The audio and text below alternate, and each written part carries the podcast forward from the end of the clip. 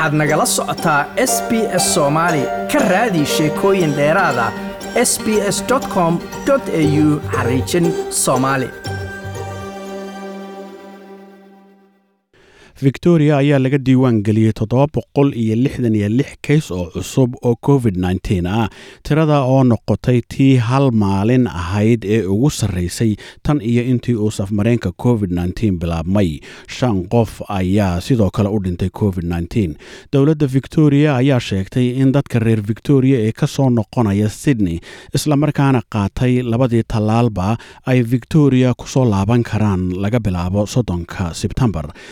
goobood oo ka mid a goobaha dowladda ee tallaalka covid nteenka laga bixiyo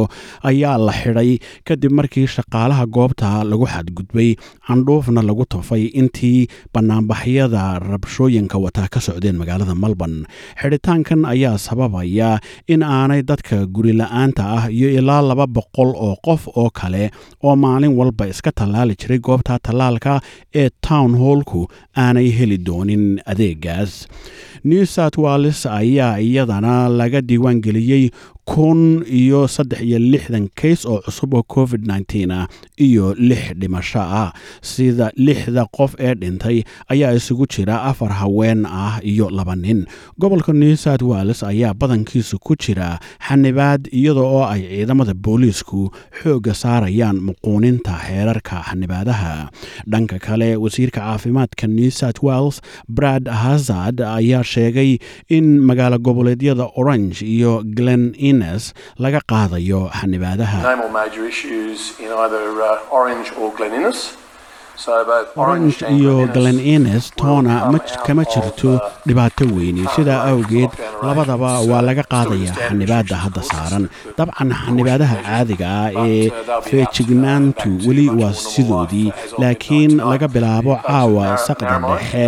xaalad caadi ah bay ku soo laabanayaan. dadka reer naramina haddii aanay wax weyne isbedelin inta ka horeysa saqda dhexe ee sabtida iyadana waa laga qaadayaa xanibaadda ayuu yidhi queensland ayaa laga diiwaan geliyey hal kays oo cusub oo covid nteen kaasoo ka soo baxay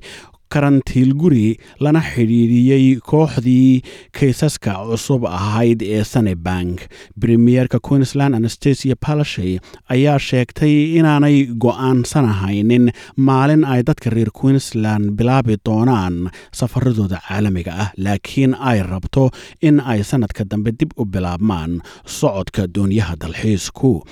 miss palashay waxay intaa ku dartay inaanay iyada khusaynin wakhtiga reer queensland loo ogolaan doono inay dibadda u dhoofaan. Inkasta oo gobollada kale sida new south wales bay tiri ay rabaan inay dadku dhoofi karaan marka qaadashada tallaalku gaadho boqolkiiba siddeetan. Afartan iyo laba dhibic toddobaatan iyo siddeed boqolkiiba ayaa reer queensland ka qaatay labada tallaalba halka lixdan iyo kow dhibic konton iyo saddex ay qaateen hal tallaal oo keliya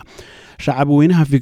ayaa looga digay inay dhici karaan dhulgariiryo yaryar oo daba socda dhulgariirkii weynaa ee shalay labiyo labaatankii sebtembar ka dhacay victoria kaasoo ahaa dhulgariirkii ugu weynaa abid ee ka dhaca victoria. Dhulgariirka oo cabirka awooddiisu ahayd shan dhibic sagaal oo ah cabirka la yidhaahdo rictor scale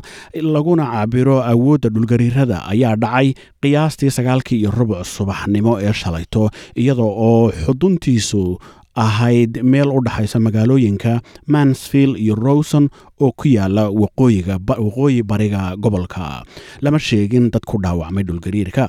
ugu yaraan lix dhulraxan oo yaryar waa kuwa loo yaqaano after shokske ayaa ka dambeeyey dhulgariirkii weynaa kaas oo kuwaasoo cabirkooda awoodda rictor scaleku ahaa laba dhibic afar ilaa afar dhibic hal. Madaxa maaraynta masiibooyinka ee victoria andrew crisp ayaa sheegay in la filan karo dhulraxano yaryar oo looga bartay inay ka daba dhacaan dhulgariirada waaweyn Geoscience Australia are reporting that there, there will be aftershocks, and we've already had a number of those already. hay'adda geoscience australia ayaa sheegaysa inay dhici doonaan dhulraxano yaryar oo aynu durbo qaarkood aragnay iyada oo ay suurtagal tahay inay dhacaan toddobaadyada ama xataa bilaha soo socda ayuu yidhi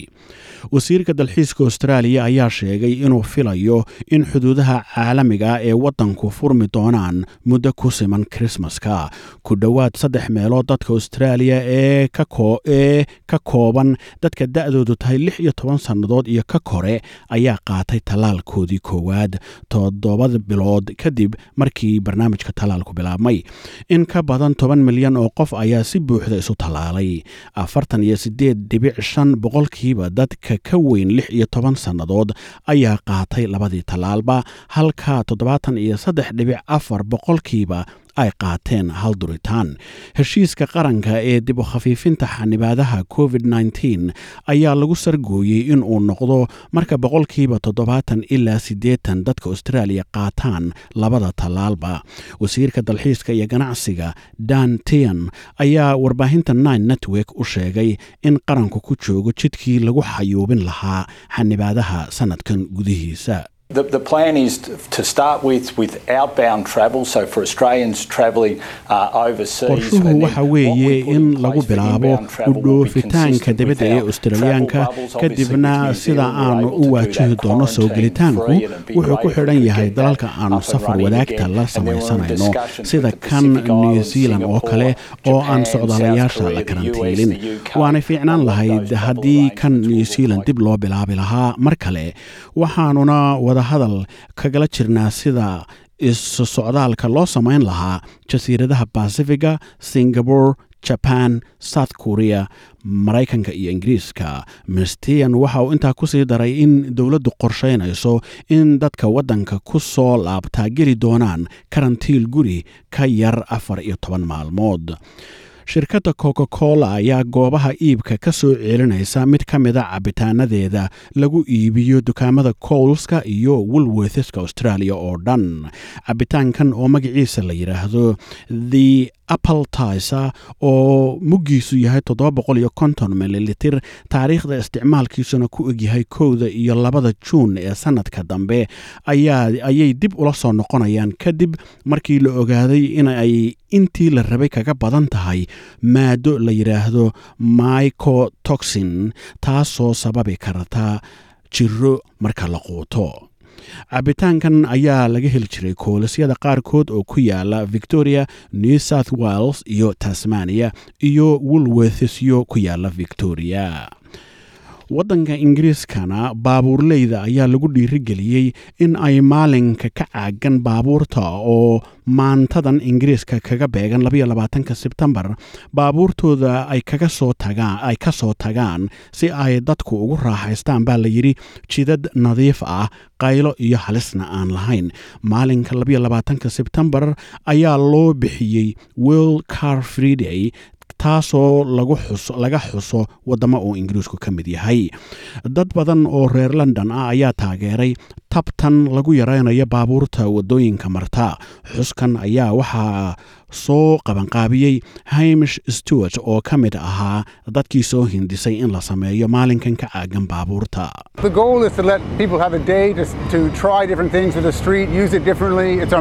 Yoolku waa in dadka la siiyo maalin ay jidadka u isticmaalaan waxyaalo kale waa dhulka ugu weyn ee shacabka ka dhexeeya. make ku cayaarsiin over karaan xaflado iyo waxyaalo kale ayay u isticmaali karaan. Waa hab dadka lagu siinayo fursad ay ku tijaabiyaan waxyaalaha ay rabaan in la joogteeyo ayuu yidhi. Berrito oo jimcaha haddii ilaahay ka dhigo waxaa la saadaalinayaa in saadaasha hawadu noqoto sidan soo socota. Beth qorax saddex iyo labaatan digrii adelaide shuux ama labo toddobiyo toban digrii